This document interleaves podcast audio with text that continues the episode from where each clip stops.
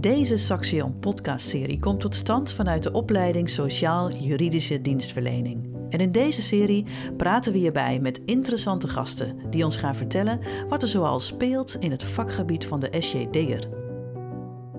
Een hele goede dag. Ik ben Pascal Vermeer en ik ben docent bij de opleiding Sociaal-Juridische Dienstverlening. Ik zit hier vandaag niet alleen, uh, maar ik zit hier met, uh, met Danny Bellers. Uh, Danny, zou je even willen voorstellen? Ja, vanzelfsprekend. Uh, ik ben Danny Bellers, ik ben 35 jaar oud en ik woon op dit moment in, uh, in Borne. Uh, ik heb van 2014 tot en met 2018 gewerkt voor de Belastingdienst bij klantinteractie en services. Mm -hmm. als coördinator van de praktijkopleiding. Mm -hmm. daarna heb ik de overstap gemaakt naar de FIOT in Zwolle. Mm -hmm. Heb ik daar nog gewerkt tot en met 2021. En op dit moment werk ik als directiesecretaris voor Norbekracht. Ja. En dat is de ambtelijke organisatie van twee prachtige gemeenten, Dinkeland en Tubbergen. Ah, top, top. Dus hè, we gaan het vandaag hebben over uh, inkomstenbelasting en toeslagen. Mm -hmm. uh, ja, ik heb mij laten vertellen dat jij daar alles van weet. Uh, dus dat we daar een, een goed gesprek over kunnen voeren met z'n tweeën. Daar gaan we vanuit. Ja, daar gaan we vanuit. Um, nou, wat gaan, we, wat gaan we vandaag bespreken? Uh, we gaan het vandaag hebben over uh, de inkomstenbelasting.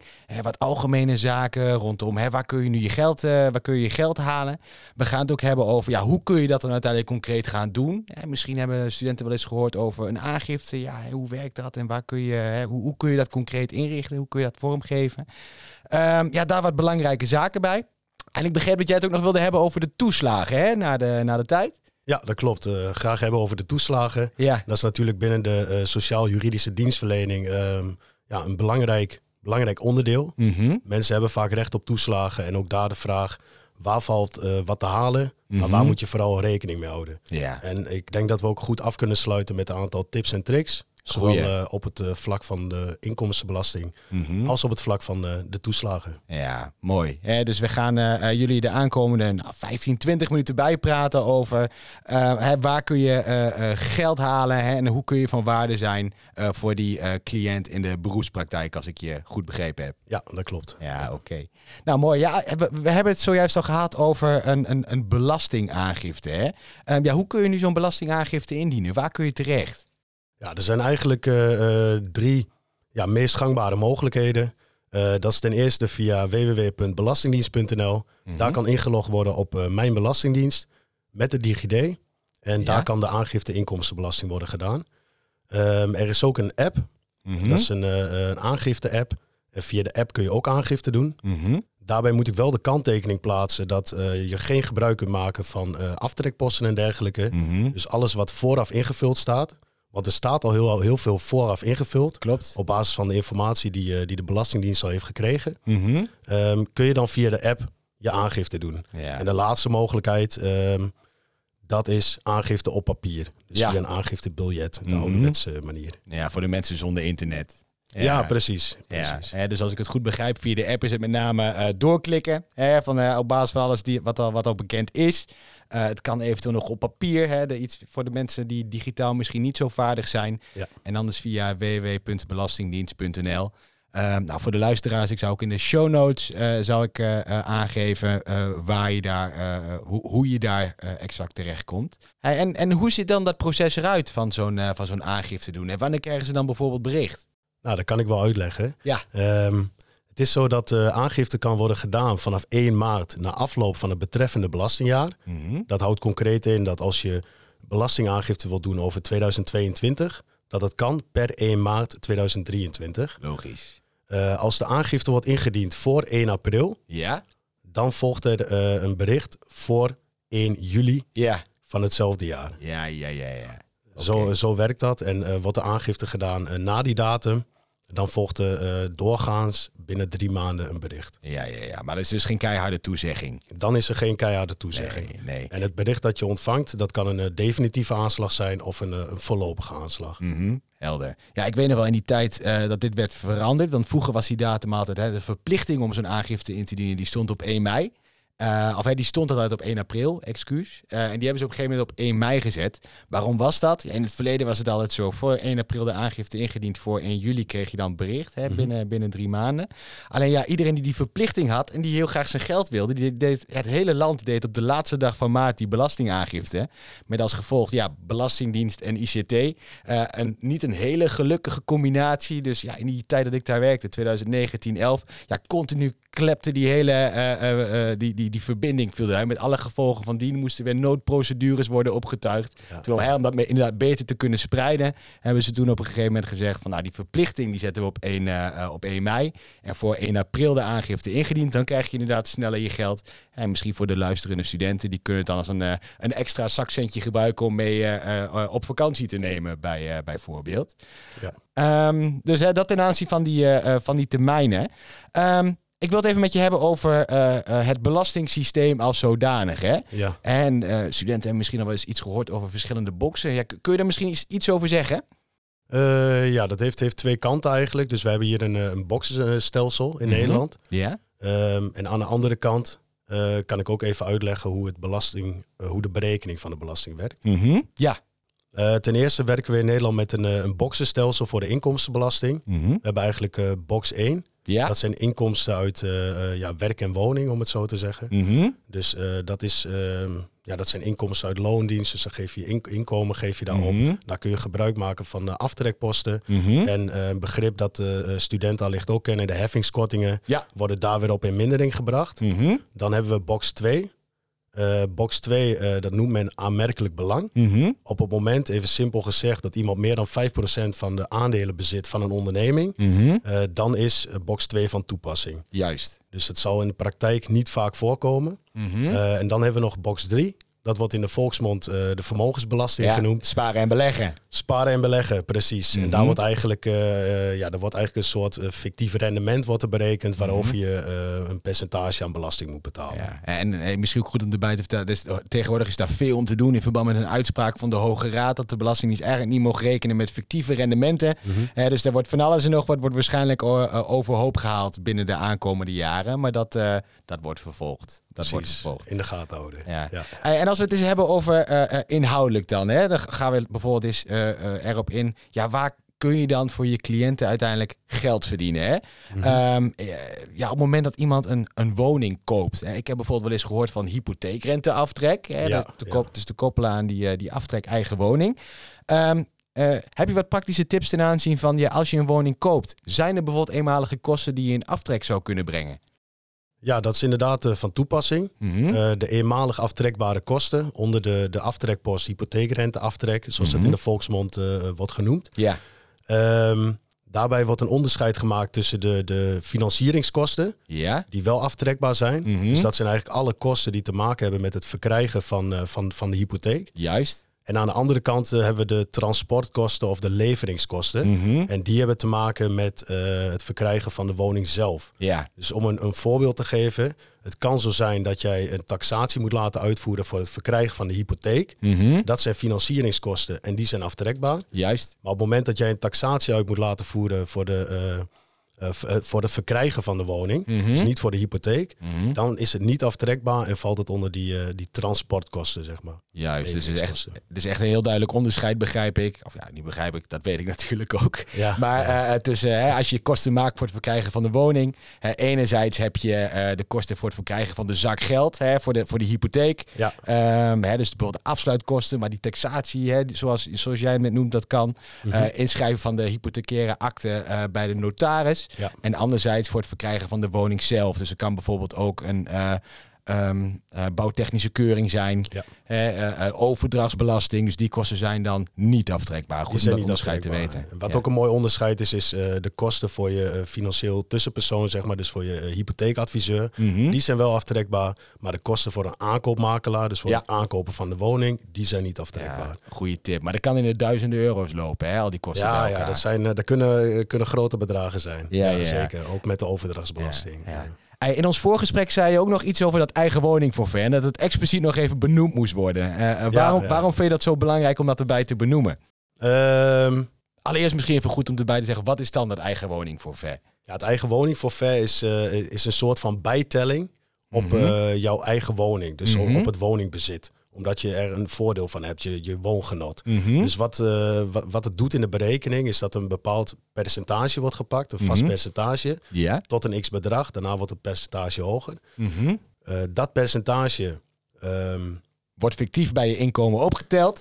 ja, Eh, wordt, eh, inderdaad. Ja. ja. Ja. dat percentage doe je eigenlijk maal de WOZ-waarde, dus de waarde van je woning. Juist. En dat bedrag, dat is een positief bedrag in de berekening voor de hypotheekrenteaftrek. Ja.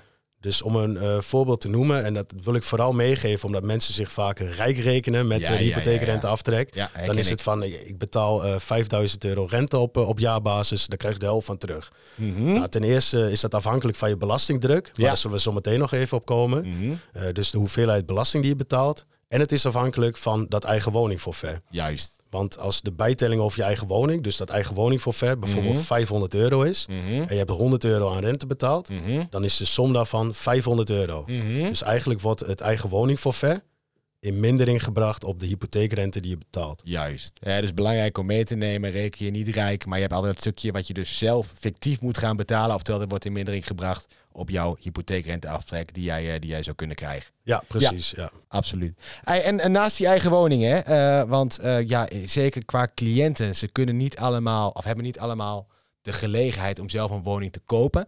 Ehm, maar er zijn bijvoorbeeld ook andere kosten waar ze misschien eh, tegenaan lopen. Ehm, waar is nog meer geld op te verdienen bijvoorbeeld?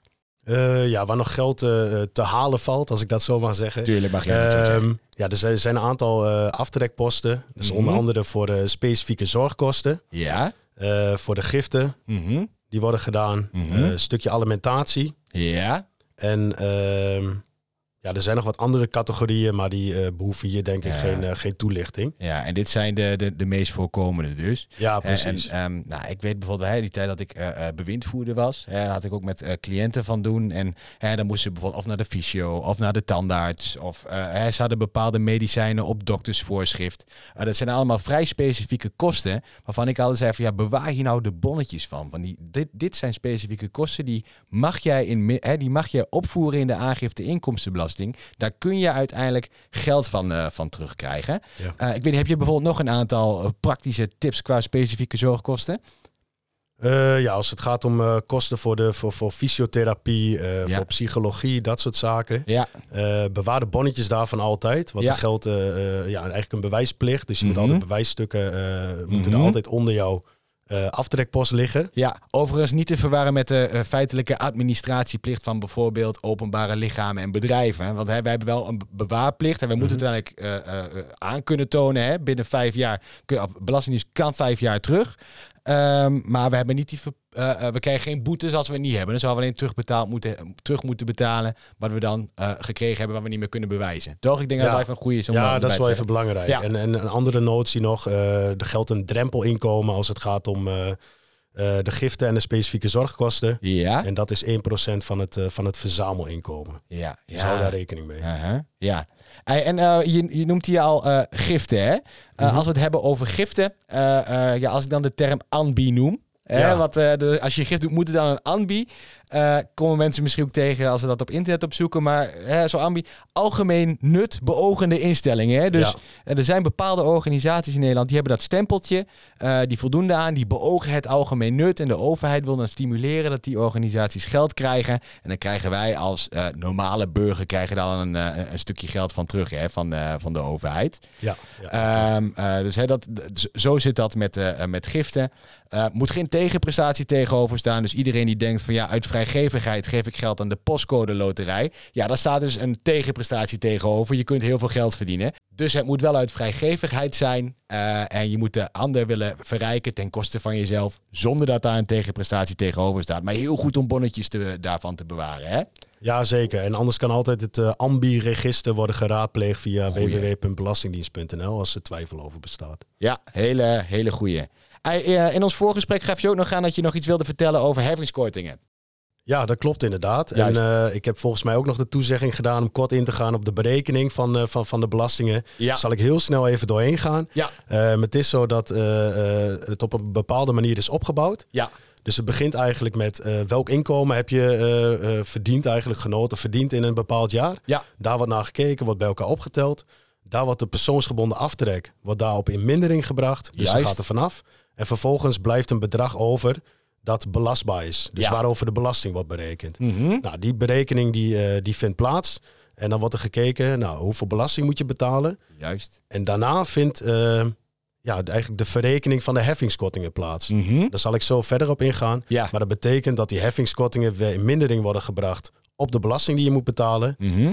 En zo kom je uiteindelijk tot het resultaat, jouw verschuldigde belasting. Ja, juist. En om, om daar ook nog een beeld van te geven, dat wordt vergeleken met de belasting die je al betaald hebt. Over dat volledige bedrag. Precies, over de, ja, eigenlijk de loonheffing, dus Ja, wat je al betaald hebt. Juist. En als daar een verschil, een verschil in zit, dan moet je of bijbetalen, maar nog beter, krijg je geld Mhm. Ja, terug. ja, ja, ja. ja. Daar gaan we voor. Want daar doen we het hier voor, hè? voor al die extra kosten die we in mindering kunnen brengen. Dat is, eh, hoe, kunnen we, hoe kunnen we nu geld verdienen? Hè? Mooi. En je noemde dus eh, eh, heffingskortingen. Mhm. Ehm, hè, een, korting op de belastingheffing die je betaalt. Nou, dat omschrijf je net al. Je hebt het belastbaar inkomen en dan gaan uiteindelijk gaan daar de heffingskortingen vanaf. Een korting op die heffing. Hè? Zo kunnen studenten dat misschien onthouden. Ehm, ja, er zitten een aantal eh, eh, zitten daar tussen. En ehm, die heffingskortingen zijn er met een aantal doeleinden. Eh, Bijvoorbeeld om specifieke mensen een, bes- een bepaald bestaansminimum te geven, zoals de algemene heffingskorting. Maar ook om specifieke mensen in specifieke gevallen om die een bepaald voordeel te geven. Bijvoorbeeld, hè, iemand heeft bijvoorbeeld 50.000 euro op jaarbasis uit werk of 50.000 euro op jaarbasis uit een WW-uitkering. Heeft iemand vanuit werk, die heeft dan recht op een extra heffingskorting, namelijk de arbeidskorting. Dus dat betekent hè, dat mensen vanuit dat inkomen, eh, vanuit het inkomen uit werk, eh, netto meer overhouden dan van datzelfde bruto inkomen vanuit een, eh, vanuit een uitkering. Ja. Ja. En jij wilde voor mij nog iets zeggen over de inkomensafhankelijke combinatiekorting. Wat, wat, Ja, wat is dat ja. voor iets? Ja, dat is de IACK inderdaad, de inkomensafhankelijke combinatiekorting. Mhm. Ehm, ja, die heeft ook ten doel om eh, eh, het werken onder ouders eh, te stimuleren. Mhm. Dat houdt eigenlijk concreet in op het moment dat beide ouders aan het werk zijn Mhm. en de minst werkende ja, partner Mhm. boven een bepaalde grens verdient, dan is er recht op een, een extra heffingskorting. Ja, En dat moet aan een aantal, ja, er moet wel aan een aantal voorwaarden worden voldaan, maar om Juist. die allemaal te benoemen, dat is te kort tijd voor. Dus ik hè? zou ook, ook daarvoor zeggen www.belastingdienst.nl. Weet je wat? Ik zet wel een linkje in de show notes. Ja, en dan eh, kunnen goed. ze rechtstreeks naar, eh, naar het tabelletje.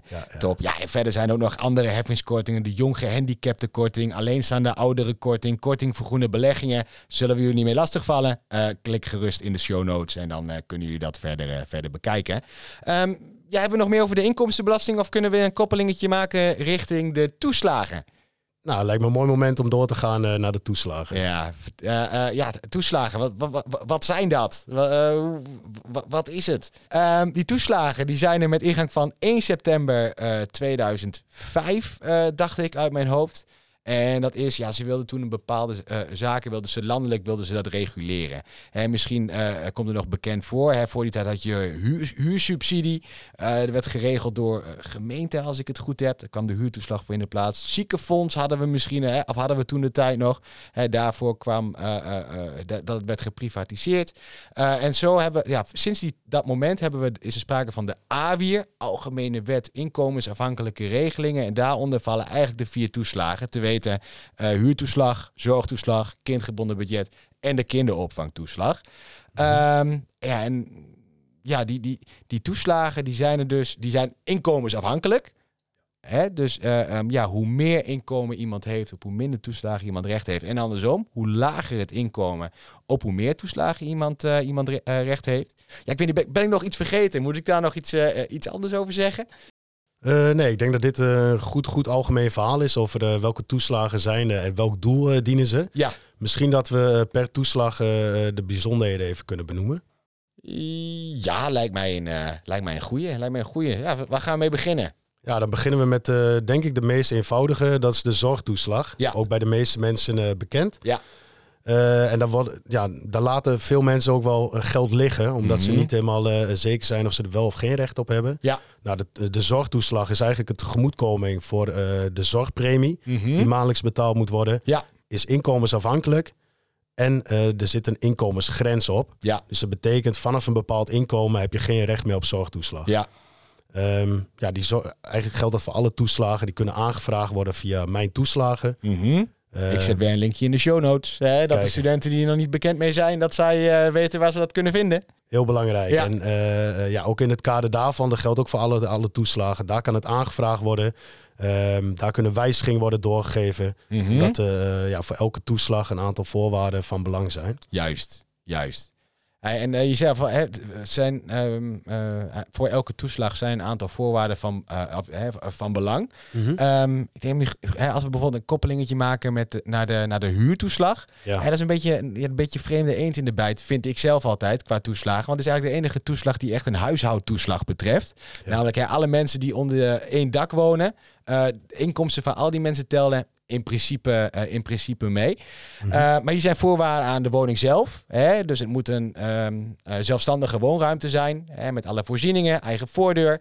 Ehm, de mensen die erin wonen, die moeten aan specifieke voorwaarden voldoen. Hè? Eh, eh, eh, daar op dat adres ingeschreven staan. Geldig in Nederland verblijven bijvoorbeeld. Als ook, ja, het is ook inkomensafhankelijk hier. Hè? Dus hoe hoger het inkomen, op hoe minder toeslagen iemand, of in minder huurtoeslag iemand recht heeft in, in deze. Ja. Ehm, ja, huurtoeslag. Ben ik dan iets vergeten? Of ga jij door richting het kindgebonden budget? Ik ga verder met het kindgebonden budget. Juist. Kindgebonden budget is een, eh, een aanvulling eigenlijk op de kinderbijslag. Ja. Wederom inkomensafhankelijk. Juist, in tegenstelling tot de kinderbijslag, hè? Ja, zeker. Ja, ja, ja. dat klopt. klopt. Uh-huh. Om daar even duidelijk, eh, duidelijk in te zijn. Uh-huh. Er is nog een eh, kindertoeslag, maar die volgt zo meteen. Ja. Kindgebonden budget is dus een aanvulling. Is ook inkomensafhankelijk. Mhm. en is begrensd. Dat houdt in dat er vanaf een bepaald inkomen, eh, in combinatie met vermogen, eh, er geen recht bestaat op kindgebonden budget. Juist. En dit is ook echt des- ja, ter ondersteuning van eh, huishoudens die het ja, iets minder hebben, om het zo te zeggen. Mhm.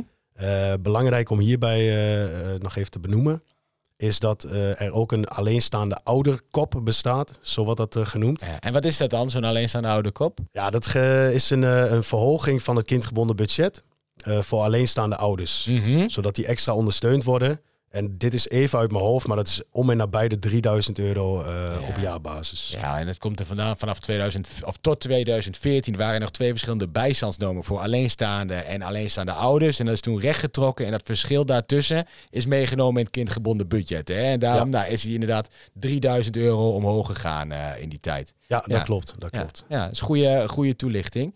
Eh, en dan de, eh, de laatste, eh kinderopvangtoeslag. Een, een, een tegemoetkoming voor werkende ouders. Hè, dus de ouders die, die werken, die kunnen niet thuis op hun eigen kinderen passen. En de overheid die wil stimuleren dat mensen toch gaan werken. En als ze dan gaan werken, dan kan hun kind die kan ergens, eh, kan ergens terecht. Eh, en daar krijgen ze dan kinderopvangtoeslag voor. Hè, omdat anders schrikbaar en duur is. En op die, ze op die manier nog eh, enigszins gecompenseerd worden voor die gemaakte kosten. Ehm, ja, ik vind daarbij belangrijk om te vertellen dat kinderopvangtoeslag is in tegenstelling tot andere toeslagen, geldt aan iets andere aanvraagtermijn. Die andere toeslagen die kun je nog aanvragen tot 1 september na afloop van het jaar. En de kinderopvangtoeslag moet je aanvragen binnen drie maanden nadat je kind naar de opvang gaat. Want doe je dat niet, dan zegt de overheid eigenlijk ja. Dan, he- dan sta je ook niet te springen om dat geld. Dan eh, heb je dat ook niet per se nodig. Ehm, dus hè, misschien nog een goede tip. Kinderopvangtoeslag vraag je dat niet binnen die drie maanden aan. Ehm, ja, dan laat je heel veel geld liggen. Want zeker met tijdens bewindvoerder. Ik heb echt eh, voorschotbeschikkingen gezien van, van 100.000 euro kinderopvangtoeslag. dus het gaat om gigantische bedragen. Ehm, ja, wil je- heb jij nog tips voor kinderopvangtoeslag? Of misschien zijn we voor de rest nog wat vergeten? Ik heb eh, ja, de, de, de kinderopvangtoeslag is eh, om een andere reden ook nog een vreemde eend in de bijt. Ja, Eh, er geldt eigenlijk geen inkomensgrens. tuurlijk. Ja. En het is een, een, een gedeeltelijke tegemoetkoming tegen een gemaximaliseerde uurprijs Ja. voor de opvang. Mhm. Dus om dat nader toe te lichten, het is zo dat je een bepaald percentage van een uurprijs vergoed krijgt. Mhm. Ehm, en dat er dus geen inkomensgrens aan zit. Dat houdt in dat je voor je eerste kind, als je het laagste inkomen hebt, krijg je 96% van het Mhm. uurtarief, van het maximale uurtarief, krijg je vergoed. Mhm. Tot aan 1 derde, 33% voor het eerste kind. Ja, eh, voor mensen die meer verdienen dan 2 ton. Dat Ja. zijn doorgaans niet de cliënten trouwens eh, binnen dit vakgebied. nee, nee, nee. nee. Eh, maar om even een beeld, eh, beeld te geven. En hou er rekening mee op het moment dat je kiest voor een eh, kinderopvang. eh, die bijvoorbeeld 11 euro per uur vraagt.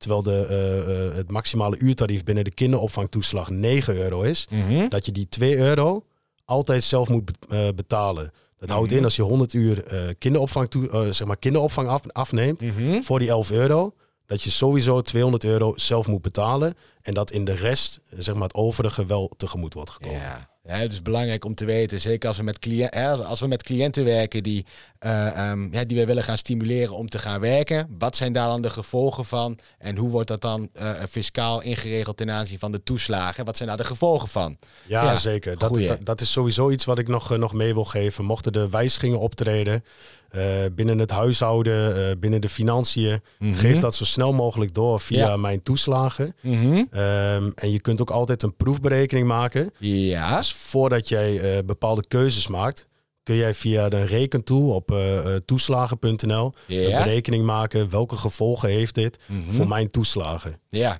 Weet je wat? Ik vind het een zo'n goede tip. Ik zet ook deze in de show notes. Kijk eens aan. ja.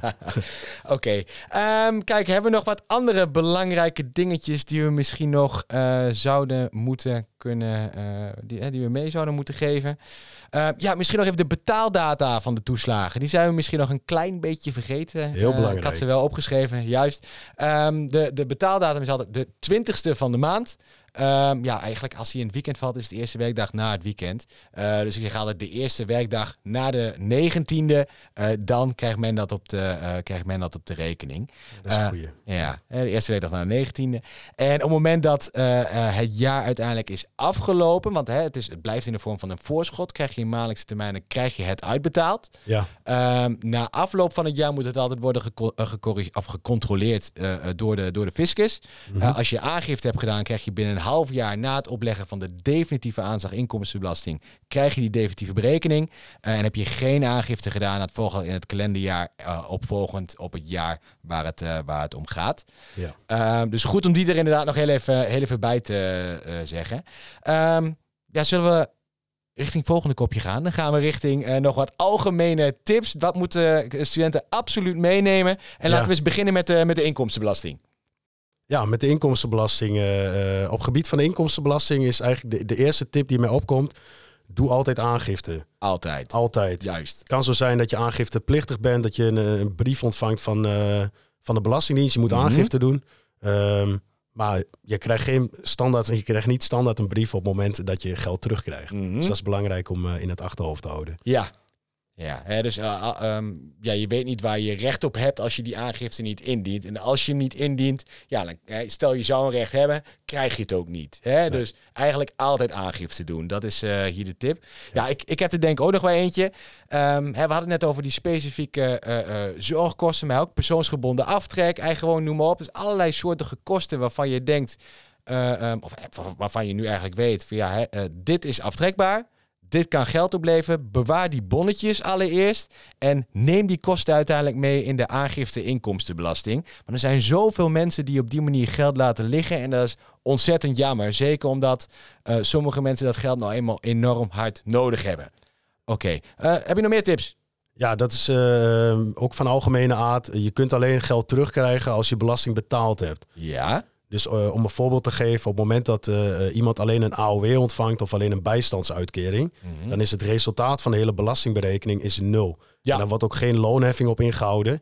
Eh, Dus dat- kun je in principe ook niks terugkrijgen. Precies, je kunt Juist. alleen terugkrijgen wat je betaald hebt. Juist. Ja, hè, dus ook al hè, mensen die kunnen die kosten wel allemaal bijhou- bijhouden. Maar als uiteindelijk 0 euro belasting is betaald, 0 euro loonheffing is ingehouden, kun je de baas ook 0 euro terugkrijgen. Klopt. En om dat nog even door te trekken, op het moment dat jij 1000 euro aan belasting hebt betaald, Mhm. maar je hebt een aftrek van 5000 euro, kun je ook maximaal die 1000 euro terugkrijgen. Ja, goeie, goeie. En misschien, ja, omdat, het, hè, omdat het toch een podcast is voor onze studenten. En misschien herkennen zij dat wel. Of hè, gaan jullie zo meteen aangifte doen eh, vanaf 1 maart over dit jaar. Ehm, stel altijd studenten, hè, jullie ontvangen altijd een jaaropgave. Kijk eens eh, naar de jaaropgave en kijk eens hoeveel loonheffing daarover is ingehouden in totaliteit. En jullie zullen zien, als jullie op jaarbasis maximaal 6, 7, 8000 euro hebben verdiend. Het bedrag wat jullie terugkrijgen is gelijk aan het bedrag wat je aan loonheffing is ingehouden. Ga dan maar controleren. En kom na de tijd maar eens bij me en zeg maar... Zij, Pascal, je hebt, eh, je hebt gelijk. Ja, dat hoor je graag, hè? Oké, eh, dat ten aanzien van de, eh, van de inkomstenbelasting. Ehm, eh, toeslagen. Hè? Hoe staan we Ja. in, de, eh, in, de, in de toeslagen? Wat is daar nog belangrijk? Wat wil je absoluut meegeven? Ja, de toeslagen worden op, op jaarbasis berekend. Ja. Dat houdt in dat op het moment dat je de ene maand eh, eh, 10.000 euro verdient en de andere maand niets verdient, Mhm. Dat het gemiddelde wordt, eh, ja, wo- wordt op jaarbasis berekend. Je hebt Dus een is- jaarrecht. Ja, je hebt Juist. een jaarrecht. Dus op Mhm. het moment dat jij eh, even niks verdient, betekent niet dat je automatisch dan voor die maand recht hebt op de toeslagen. Mhm. Ehm, en wat ook belangrijk daarvoor is, maar misschien kun jij dat nader toelichten, is op het moment dat je toeslagpartner wordt, Ja. Ehm, toeslagpartner voor de toeslagen, Ja, ja, ja. dan wordt een bereken, kan het zo zijn dat de berekening met terugwerkende kracht wordt gemaakt, ook voor Juist. het hele jaar. En dat houdt verband met dat jaarrecht. Juist, hè? ik denk dat het een hele belangrijke is. Want iedereen kent misschien wel iemand die ooit een keer toeslagen heeft terug moeten betalen in de loop van het jaar. En dat er helemaal niks van snapte. Kijk, het is bijvoorbeeld zo: op het moment dat je, samen woont. Hè, en je woont gewoon samen. En je voldoet niet aan voorwaarden voor toeslagpartnerschap. En je, hè, je woont gewoon alleen samen. Mhm. En je hebt verder geen bijzonderheden samen. Eh, maar bijvoorbeeld krijg je eh, eh, op 1 Ik noem maar even een datum hoor. Krijg je bijvoorbeeld eh, eh, samen een kind. Of je gaat trouwen. Of hè, je voldoet aan een van die voorwaarden om toch toeslagpartner te zijn. Ehm, wat gebeurt er dan? Dan rekent eh, de Belastingdienst. Die rekent dan over het gehele. Of, nee, dat zeg ik verkeerd. Rekent dan vanaf het moment over die periode dat je op hetzelfde adres ingeschreven staat. Daarover ben je dan automatisch, dus ook met terugwerkende kracht, toeslagpartner. Dus dat zou dan betekenen dat voor de een het volledige recht verdwijnt, de ander een gezamenlijk recht zou hebben. Ja, en dat komt eigenlijk per saldo altijd lager uit. Dus Ja. op het moment dat dat soort situaties, dat daar sprake van zou gaan zijn in het jaar zelf, hou daar rekening mee en weet dat dit aanstaande is. Want linksom of rechtsom met cliënten zul je dit ongetwijfeld een keertje mee gaan maken. En dan weet je dit in ieder geval vast. Ja, en nog een aanvulling daarop. eh, ik denk dat het ook van belang is voor de praktijk. Eh, op het moment dat iemand bij jou inkomt wonen, met een kind bijvoorbeeld. Dus ja, ja, eh, even een willeke- willekeurig voorbeeld. Mhm. Stel een alleenstaande moeder met een kind komt op straat te staan en jij denkt als alleenstaande met recht op toeslagen, kom maar bij mij inwonen. Mhm. Op dat moment word je wel toeslagpartner van elkaar. En dat kan invloed hebben op jouw huurtoeslag, zorgtoeslag. Want als, een van, als een kind van één van beide op hetzelfde adres ingeschreven staat, Ja, word je al toeslagpartner. ja, dat en dat kan in de praktijk tot hele ja, nare situaties leiden. Of Ja. Financieel nare situaties. Klopt. Terwijl je iets vanuit een hele goede intentie doet. Ja, ja. Artikel 3, lid 2 van de AWIR. Voor de liefhebber, zoek maar op, daar, eh, daar staat dit in. Oké, ehm, ja, we hebben eh, ja, het belastingssysteem doorgelicht. Waar kunnen we geld halen? Eh, we hebben de verschillende toeslagen zijn we langsgelopen en wat procesdingen. We hebben nog wat algemene tips hebben we er nog, eh, nog bij meegenomen. Ehm, ja, ik wil nog wel even afsluiten dan met de, met de volgende vraag. En ja, dat, wat, wat, wat betekent nu hetgeen wat wij allemaal besproken hebben? Wat betekent dat nu voor toekomstige SJD'ers? Ja. Ik denk dat eh, deze informatie heel waardevol is. Ja? Omdat eh ja, SJD'ers eh, vaak te maken hebben met mensen die in een, ja, in een, in een, in, een wat mindere financiële situatie zit. Ja. En wij hebben aangegeven waar geld te halen valt. Een aantal tips en tricks mee te- meegegeven. Ja. Ja, waar je voordeel mee kunt doen voor de cliënt. Mhm. En niet alleen om dat geld te halen, maar ook om te voorkomen dat mensen in de problemen raken of verder in de Mhm. problemen raken. Ja. Dus eh, ja, geef die wijzigingen zo, zo snel mogelijk door als het gaat om de toeslagen. Ja. En eh, reken jezelf niet te rijk als het gaat om eh, de inkomstenbelasting, maar ook om de toeslagen. Ehm, of ook voor de toeslagen. Mhm. Nog één tip. Ehm, schat het inkomen liever iets te hoog in Ja. dan te laag. Juist. Want op het moment dat je het hoger inschat, dan krijg je maandelijks eh, misschien iets minder. Mhm. Maar dan, ehm, ja, dan verklein je het risico dat je na afloop van het jaar bij de definitieve berekening ineens terug moet gaan betalen. Mhm. En eh, sterker nog, heb je de toeslagen helemaal niet nodig. Ja, vraag de toeslagen dan pas Achteraf na afloop het van het jaar. Ja, precies. Lijkt mij, een, eh, lijkt mij een hele goeie. Ehm, ik denk dat het een hele mooie is om, eh, om af te sluiten. Eh, Danny, ik wil jou hartelijk danken voor, jouw eh, voor jouw tijd, voor jouw aandacht. En ik denk dat ja, de SJD'ers van de toekomst, hè, die met mensen gaan werken, die het geld goed kunnen gebruiken, dat die hier heel erg mee, mee geholpen zijn. Ehm, Danny, hartelijk dank. Graag gedaan. Ja, luisteraars, hartelijk dank. En ehm, ja, eh, bedankt en tot de volgende. Hoi. Hoi.